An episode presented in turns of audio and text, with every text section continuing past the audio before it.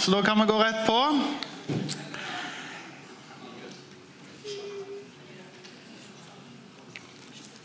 I dag så er planen at jeg har delt på en måte talen i to. Der del to er liksom dagens budskap, kan en si. Mens del én, som jeg skal touche nå, det er mer som en liten introduksjon til det som skal prege oss denne høsten. For Vi har satt en overskrift denne høsten som kom opp der, og den starter i dag. og Det heter 'Ærlig talt'. Det er nesten så å se på dette første lille delen som jeg snakker de første minutter her, som en sånn liten trailer. Dere er kjent med det, dere som ser film. Av og til når du skal se en lang film vet du, på et par timer, så har du kanskje blitt trigga til å se den filmen gjennom at du så en trailer som ga et liten smakebit på hele filmen. Og Nå skal vi ha en tre måneder lang film her som vi skal se, der vi skal snakke om ærlig talt i tre måneder. da. Og Da skal jeg gi dere bare en liten sånn trailer nå innledningsvis.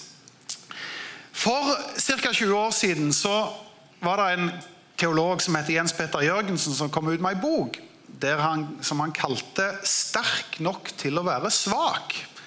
Og Det høres jo litt sånn paradoksalt ut. Og Et av de ordene som han introduserer der, som var et nytt ord som jeg ikke hadde hørt før, i hvert fall, det var ordet ærlighetsteologi. Og Det kom sikkert som et svar på at vi i Norge hadde hatt veldig mye elendighetsteologi. Elendighetsteologi fra pietismen eller ja, Der det er så mørkt og så dystert og så strevsomt med det der med tro. Jeg arme synder som har krenka deg i tanke, ord og gjerning, og alt det er jo sant. Men det preges så mye av dom og av mørke at du omtrent ikke ser lysglimt av evangeliet. Og det er litt dumt når evangeliet er gode nyheter. Det mener jeg i. Så det går an å ha en sånn elendighetsteologi som er helt forferdelig. Men så kommer til 80- og 90-tallet noe som heter trosbevegelsen. Så kom det kanskje en slags motsatt jeg vet ikke om jeg skal kalle det grøft, men der var det herlighetsteologi som var sånn at alt var seier. Og du kunne nesten tro deg og bekjenne deg ut av ethvert problem. Du skulle bare fornekte at du var syk. Og fattigdom og all elendighet det var ifra avgrunnen, og du kunne bare tro deg fram til seier. Og Selv om det er noe fint i det òg, så blir det kanskje ubalansert i lengden. og Jens Petter Jørgensen sitt poeng var ærlighetsteologi. Der er det rom for både det at Gud er stor og fantastisk og god, men òg at livet er skjørt, og at vi møter på utfordringer. Og I det spennet og i de kontrastene der, så lever vi livet vårt. Og Dette er noe av det vi har lyst til å løfte opp. Vi har lyst til å snakke sant om Gud, men òg om livet. Og om noen av paradoksene som fins i troen. Fordi at alle som en, enten vi tror eller ikke tror, så tror jeg vi stiller oss sjøl og av og til stiller med Gud en del store spørsmål som vi ikke alltid finner et entydig og godt svar på. Og da er spørsmålet, Skal vi rygge unna alle de spørsmålene, eller skal vi gå inn og gruble, tenke, drøfte? Kanskje vi til og med våger å stille Gud noen spørsmål? Ja, Det høres jo nesten litt bibelsk ut at vi skal drive og stille Gud spørsmål. Nei, vet du hva det er så bibelsk du kan få det? Den trofaste tjeneren Jobb han sa f.eks. noe sånt som dette her. Hvorfor skjuler du ditt ansikt og betrakter meg som din fiende? Altså, han forstår ikke Gud helt. Eller den lojale profeten Habakuk som sa hvordan kan du se på de troløse og tie når den urettferdige sluker den som er mer rettferdig enn han selv? Vi kommer til Nye testament, og vi kjenner en kar som heter Thomas, en av disiplene til Jesus. Han stilte Jesus store spørsmål og sa jeg forstår ikke alt dette her med troen. Hvis jeg ikke får se, så er det vanskelig for meg å tro. Og så kommer vi til Jesus sjøl, som til og med velger å stille Gud spørsmålet, for når han er i mørket og henger på korset, så sier han, 'Min Gud, min Gud, hvorfor har du forlatt meg?' Er det lov å stille Gud spørsmål? Er det lov å føle at en ikke får alt med troen til å gå opp? Er det lov å si at vi ikke føler vi alltid har to streker under svaret? Det er noen ting som er litt vanskelig. Ja, det er en del av livet og det er en del av troen, og det er noe av det vi skal våge å adressere denne høsten her. Jeg tror det går an å stille Gud spørsmål på en god måte og på en mindre god måte. Hvis du stiller Gud spørsmål fordi du undrer, fordi du grubler, fordi du har lyst til å finne ut av, så er det veldig bra. Men hvis du stiller Gud spørsmål bare for å sette spørsmålstegn med Gud og være kritiske Har Gud virkelig sagt? Så gjør han det kanskje i en ånd som ikke bygger. Men det å stille Gud spørsmål med et søkende, åpent sinn, det gjør at du kan finne ut av ting rent personlig.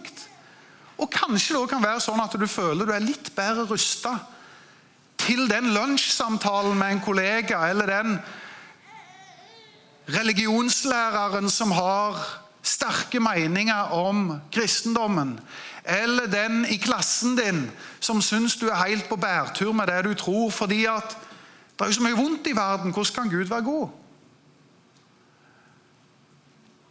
Jeg har bedt mange ganger, men jeg har ikke følt jeg har fått svar fra Gud. Eller hvor ble Gud av når livet ble vanskelig, og når sykdommen og uhellet inntraff? Hvem er alt det av vitenskapen som har fortalt oss hva som er sant og rett? Jeg får ikke Gud til å stemme inn i et vitenskap, altså, tro og Gud og vitenskap. Det blir store motsetninger. Er dere med? Det er ganske mange store spørsmål som vi ikke har en ambisjon om å svare i detalj på. For Hvis vi skulle svare godt på alle de spørsmålene, og du ikke kom til å sitte igjen med noen spørsmål etterpå, så ville det vært rimelig fantastisk, fordi at dette er spørsmål som mennesker har stilt seg gjennom alle tider. Det er skrevet bøker om det. Og Det er vanskelig, og derfor er kanskje ikke ambisjonen vår om å gi alle svar denne høsten, men det er å våge å ta det opp, snakke sant og ærlig om det. Drøfte det i husgruppene. Komme her på bibelundervisning allerede nå på torsdag klokka halv åtte. så skal vi ha det. Komme her på søndager. Melde inn de spørsmål du har, kanskje til din husgruppeleder eller til oss i lederskapet. for den saks skyld. Og Vi skal prøve å ta på alvor de tingene. Om vi ikke klarer å gi alle svar, så skal vi i hvert fall prøve å peke oss i en retning av noen svar som gir mening både for våre personlige liv, og som gjør at det er lettere for oss i møte med de menneskene som sliter med tro. Er dere med? Dette var traileren. Og Hvis jeg ikke har lagd den traileren interessant nok, så blir det kanskje ikke så lett å få deg til å se filmen utover høsten. Men da kommer du av ren, god, gammel trofasthet, og så satser vi på at det blir en interessant film som vi skal se i det vi løfter opp overskriften ærlig talt. Jeg begynner litt mykt i dag. Jeg begynner ganske så mykt. Men ærlig talt hvordan kan vi, eller skal vi, elske Gud?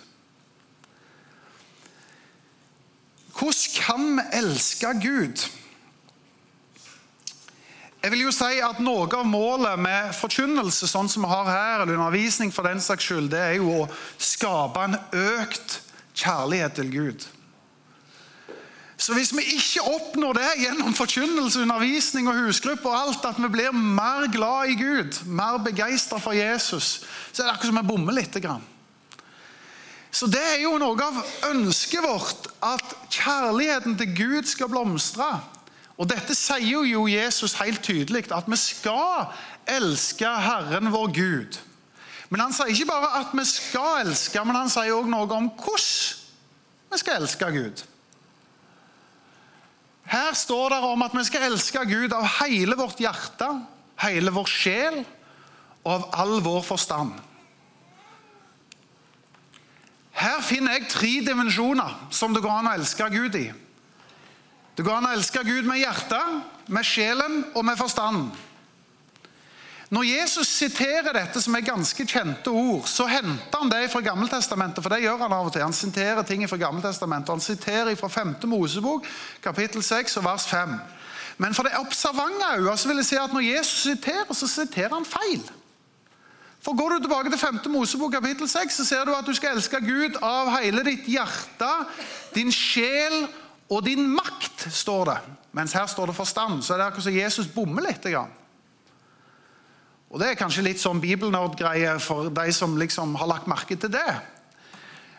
Det det kort sagt kan forklares med, det var jo det at når du leser i Gammeltestamentet, så er det hebraiske skrifter. Og, og, der var det sånn at underforstått, når du skulle elske Gud av hele din makt, så var det med alt det du er og har. Mens når Jesus kommer og Nytestamentet på gresk Jesus snakker til grekere, og han akkurat som han presiserer til de tenkerne som grekerne var, at du må elske Gud ikke bare med hjertet og med sjelen, men òg med tanken eller forstanden. Så Her presiserer Jesus at det å elske Gud det kan skje i tre dimensjoner. Hjertet, hvis jeg skal oversette det til et litt forenkla ord, så er det 'elsk Gud med følelsene'. Elsk Gud med sjelen. Det handler om viljen. Elsk Gud med forstanden. Elsk Gud med tanken. Det går an å elske Gud med følelser, med vilje og med tanke. Og Egentlig er det sånn at vi oppfordrer denne høsten her kanskje til å bruke tanken litt ekstra. Fordi at vi grubler vi tenker. Vi lurer på ting. Vi får ikke allting til å gå opp rent sånn oppe i topplokket. Så det å slå et ekstra slag for forstanden, det er noe av det som jeg har et, et mål med i dagens appell. Men så vil jeg si at for å balansere dette, så må vi starte i rett rekkefølge. Jesus sier at vi skal elske Gud med hjertet. Og jeg tror personlig at det meste starter i hjertet. For eh, godt 400 år siden så var det en filosof som levde som heter René Descartes. Han var kjent for at han bl.a. Eh, definerte mennesket og sa at noe av det som er unikt med mennesket, er at det er tenkende, reflekterende individ. Så han sa denne setningen som dere har lært om på skolen, bare du har glemt det. Du er. Du tenker, derfor er du. Altså Noe av det som definerer et menneske, det er at du tenker. Og så vil jeg stå her og si i dag at jeg tror ikke først og fremst det som har gitt retning til mitt liv, det er det jeg tenker. Jeg tror det er en del av det, men jeg tror at det som har gitt mer retning til noe annet i livet mitt, det er mitt hjerte. La meg ta noen eksempel. Når jeg traff hun jeg er gift med, så ble jeg fascinert av det jeg så. Og det var akkurat som om hjertet ble grepet av noe. Det var ikke sånn at jeg starta med tanken og la på en måte en slags rasjonell forklaring til at det var smart å velge hun. Hun har forholdsvis rike foreldre, altså det er noe å arve. Hun har en god del evner som er i forhold til matlaging, så da kommer jeg det godt ut av det der. Og så veier du plusser og minuser, så tar du rasjonelle valg. Og så tenker du liksom På bakgrunn av den rasjonelle, fornuftige tanken, så velger jeg å tilnærme meg dette mennesket her. Dere skjønner at det blir litt sånn, det blir litt lite kjærlighet i det. Er dere med på det? Hva er det som starter det hele? Det er jo hjertet som blir grepet. Her er det noe jeg ønsker, noe jeg begjærer, noe jeg lengter etter, noe jeg fascineres av. Hjertet berøres. Altså, jeg så potensialet. Det var ikke i full blomst, for å si det sånn, men jeg så potensialet. Nei, bare tulla. Det var i full blomst ganske tidlig. Hvordan har det vært med dere som har barn? Dere kjenner til det. I opplæringen av unger så er det ganske mye vi prøver å si at de burde og må. Vi prøver å rasjonelt forklare en masse ting de skal gjøre.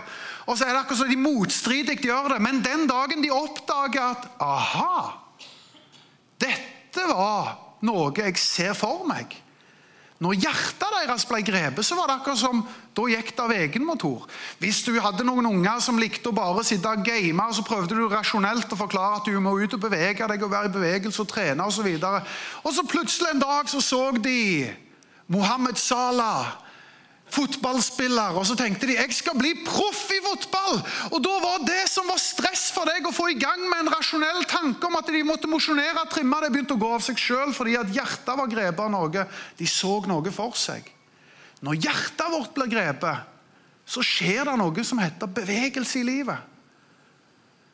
Hvordan er det når reklamen prøver å snakke til oss? Er det sånn at når de skal selge deg den bilen, så er det bare rasjonelle, gode argumenter? Dette er et godt redskap som tar deg fra A til B. Nei, de selger drømmebilder av drømmemotoren og drømmedesignet og drømmelivet du får på kjøpet omtrent med å kjøpe den bilen. Alt blir bra bare du får deg denne bilen. Reklamen spiller på at hjertet skal gripes. Og Da stiller jeg spørsmålet hvordan er det med troen? Er det sånn at hvis jeg bare får alle svar er det noen som har møtt dem på jobben som sier at hvis jeg bare fikk svar på dette her, så skulle jeg òg tro på Gud? Hvis det bare var sånn at du kunne forklare meg hvordan Gud kan være god i en så vond verden, ja, da skulle jeg òg tro. Eller hvis det var sånn at Gud faktisk viste seg for meg Sånn at jeg ikke trengte å lure og gruble og tvile. Ja, da skulle jeg også bli overbevist. Altså Hvis det rasjonelle tanken min bare fikk nok mat til at jeg Ja, da skulle jeg òg tro. Men de fleste gangene folk får gode svar, så fører ikke det nødvendigvis til at de begynte å tro. Betyr det at vi ikke skal prøve å gi gode svar? Jo, men det løser ikke alt. fordi at troen fødes ofte av at en ser noe nytt. Når Jesus kommer til ei kvinne som satt ved en brønn. Og Hun ble berørt. Så begynte hun å fortelle om hva hun hadde sett og opplevd. Hva var hun sa da? Hun sa ikke jeg har møtt en mann som eh, ga meg alle svar. Nei, jeg har møtt en mann. Jeg har møtt Jesus Kristus. Jeg tror Det viktigste når vi skal gi retning til troen, det er at vi får lov å få noen øyne som ser på innsida. Det er akkurat som noe som åpner seg på innsida her. Og dette er jo det Paulus ber om. Han sier Nå er jeg gått inn i punkt 1, vet du. Måtte Han gi deres hjerte øyelys, så dere forstår hvilket håp Han har kalt dere til, og hvor rik på herlighet arven er for de hellige, og hvor veldig Hans kraft er hos oss som tror. Hva er det Paulus sier? Han sier måtte hjertet bli grepet. Måtte troens lys gå på. Måtte øynene på innsida få lov å se hvem Jesus er. Hvor stor og hvor god han er. Det vil si at vi tror på å elske Gud med hjertet. Og Ofte så følger det med en del følelser, og der er nok vi ganske sterke som karismatikere tradisjonelt sett. Det er det at Vi har ikke først og fremst liksom vært opptatt av det rasjonelle, men at hjertet vårt blir grepet, at vi hengir oss, at vi uttrykker det. Og Det er en del av det å elske Gud. Kjærlighet til Gud starter ofte i hjertet. Det er at hjertet har grepet, ikke at jeg har forstått alt, fått alle svar, kan rasjonelt forklare alle ting, men jeg har møtt en mann. Jeg har møtt Guds lam. Jeg har møtt Messias. Jeg har møtt en levende. Jeg har møtt han som ga seg sjøl som soning for mine synder. Og det velger jeg å tro på. Da kommer du til punkt nummer to. Fordi at Jesus sa vi skulle ikke bare elske med hjertet, men vi skulle elske med sjelen. Og Litt forenkla kan en si at sjelen handler om viljen. Nå ble det jo sånn at eh, vi ble gift. da. Og det var ikke bare hjertet som ble grepet. Etter hvert så begynte jeg sikkert å ta noen rasjonelle tanker òg. Er dette smart? Er dette et godt valg? Og til tross for at foreldrene ikke var så rike som jeg kanskje først tenkte, så tenkte jeg ja, ja, det er nok et godt og rasjonelt valg allikevel. Så tanken var med, og hjertet var med. Men hva er det som var viktig den dagen vi sto foran faktisk dette rommet her? Det er ikke så mange som gifter seg her, men vi sto sånn cirka her. Og det var svigerfar som sto med et truende blikk og sa 'Vil du ha denne her eldste dattera mi?' Og nåde deg hvis ikke. Men hva var det som gjaldt da? Ja, da gjaldt jo ganske mye viljen. Betyr det at ikke hjertet var med? Jo, absolutt. Men jeg mener nå skal en ta et valg for livet her. Så nå nytter det ikke bare å si at hjertet skal være med. Nå er det òg sjelen. Det vil si, jeg velger. Og kjærligheten er et valg. I gode og onde dager osv.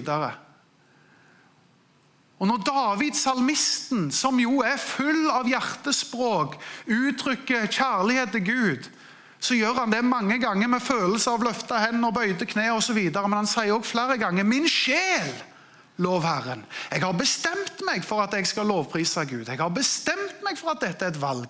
Altså, jeg elsker Gud med viljen. Elsk Gud med sjelen. Og Vi må jo være ærlige og si at vi er forskjellige som mennesker. Og Det gjør at vi kanskje, hvis du skal grovt sett dele oss inn, så er det nok noen her som i sterkere grad er tankemennesker. Akademikere, grublere, vil ha svar. Så er det andre som i sterkere grad er viljesmennesker. Og så er det en hel del som er hjertesmennesker. Og hvis det ikke er følelser involvert, så vet vi nesten ikke om det kan være sant. Og Sånn er vi skrudd sammen forskjellig. Og Du kjenner deg sikkert litt mer eller mer hadde du tatt en meningsmåling her, så tror jeg vi hadde funnet alle kategoriene. Og I den grovinndelingen av mennesket så tror jeg det at jo, men det er greit at du er et hjertesmenneske. Vær det. La det være følelser i uttrykk og i kjærligheten din til Gud. Men det er òg noen her som er grublere akademikere, tenkere, som trenger ha svar. Som ikke får alt til å gå opp. Og Da er det nydelig at Jesus balanserer det hele og sier det går an å elske Gud med både hjertet, med sjelen og med forstanden.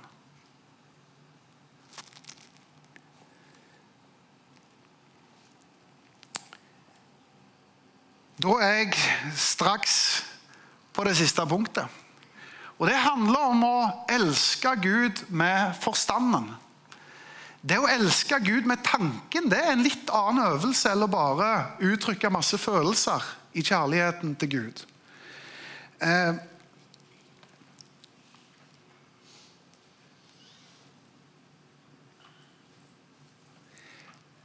Norge ser litt annerledes ut enn det gjorde for en del år siden. i forhold til at Nå er det sånn at flertallet tar høyere utdanning, f.eks med et kunnskapssamfunn uten sidestykke.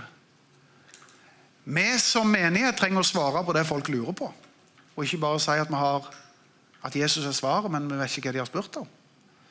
Folk grubler, folk lurer på ting. Og Det å adressere det og kunne svare godt for oss, det er noe av det vi ønsker å hjelpe menigheten på vei til denne høsten. her. Det handler om at vi faktisk intellektuelt kan, og forstandsmessig kan også lære å elske Gud. Jeg er ikke redd for, som også Anders sa her sist søndag, hvis det er at vi går inn i materien og stiller spørsmål med en rett innstilling, ikke en kritisk 'har Gud virkelig sagt', så tror jeg ikke vi kommer lenger vekk fra Gud. Jeg tror vi kan komme nærmere Gud. En av disse tenkerne som jeg har sett eller hørt litt av, han heter Ravi Zakaria. Et godt tips hvis du vil gå på YouTube og se noen fantastisk flinke apologet, altså en flink kar til å forklare og forsvare troen. og sånt. Han sier i en setning som er ganske enkel, han sier troende mennesker trenger å tenke, og tenkende mennesker trenger å tro. Det er faktisk bra at vi tar oss med på en liten sånn tankereise. Fordi at det er ganske mange tenkere der ute som også trenger å tro. Og Her står det at det går an å elske Gud med forstanden. Kanskje ikke du får alt til å gå opp, men vi ønsker å nærme oss dette og si at det er lov å stille spørsmål. Hør noe interessant. I Nye Testamentet så står det 145 ganger at de stilte spørsmål.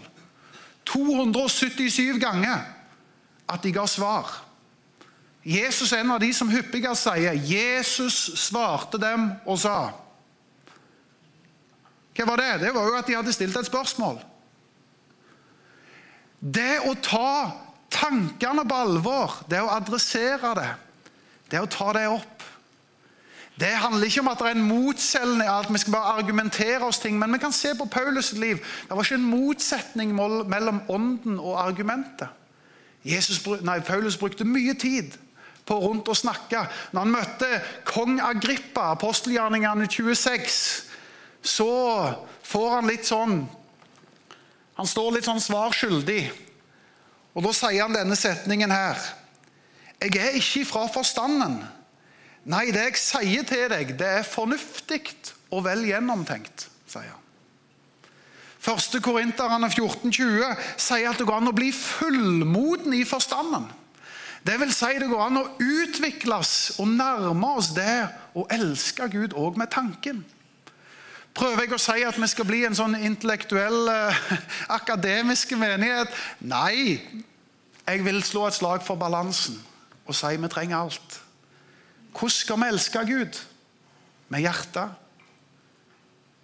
følelsene, med sjelen, med viljen, med forstanden, med tanken. Adresser de spørsmål du har, til Gud, til andre som tror. Kom med de til menigheten. Vi skal løfte opp mange av de i løpet av høsten her. Og I det så vil jeg bare ønske dere en skikkelig god høst og be om at vi skal få lov å få masse ut av dette, ærlig talt.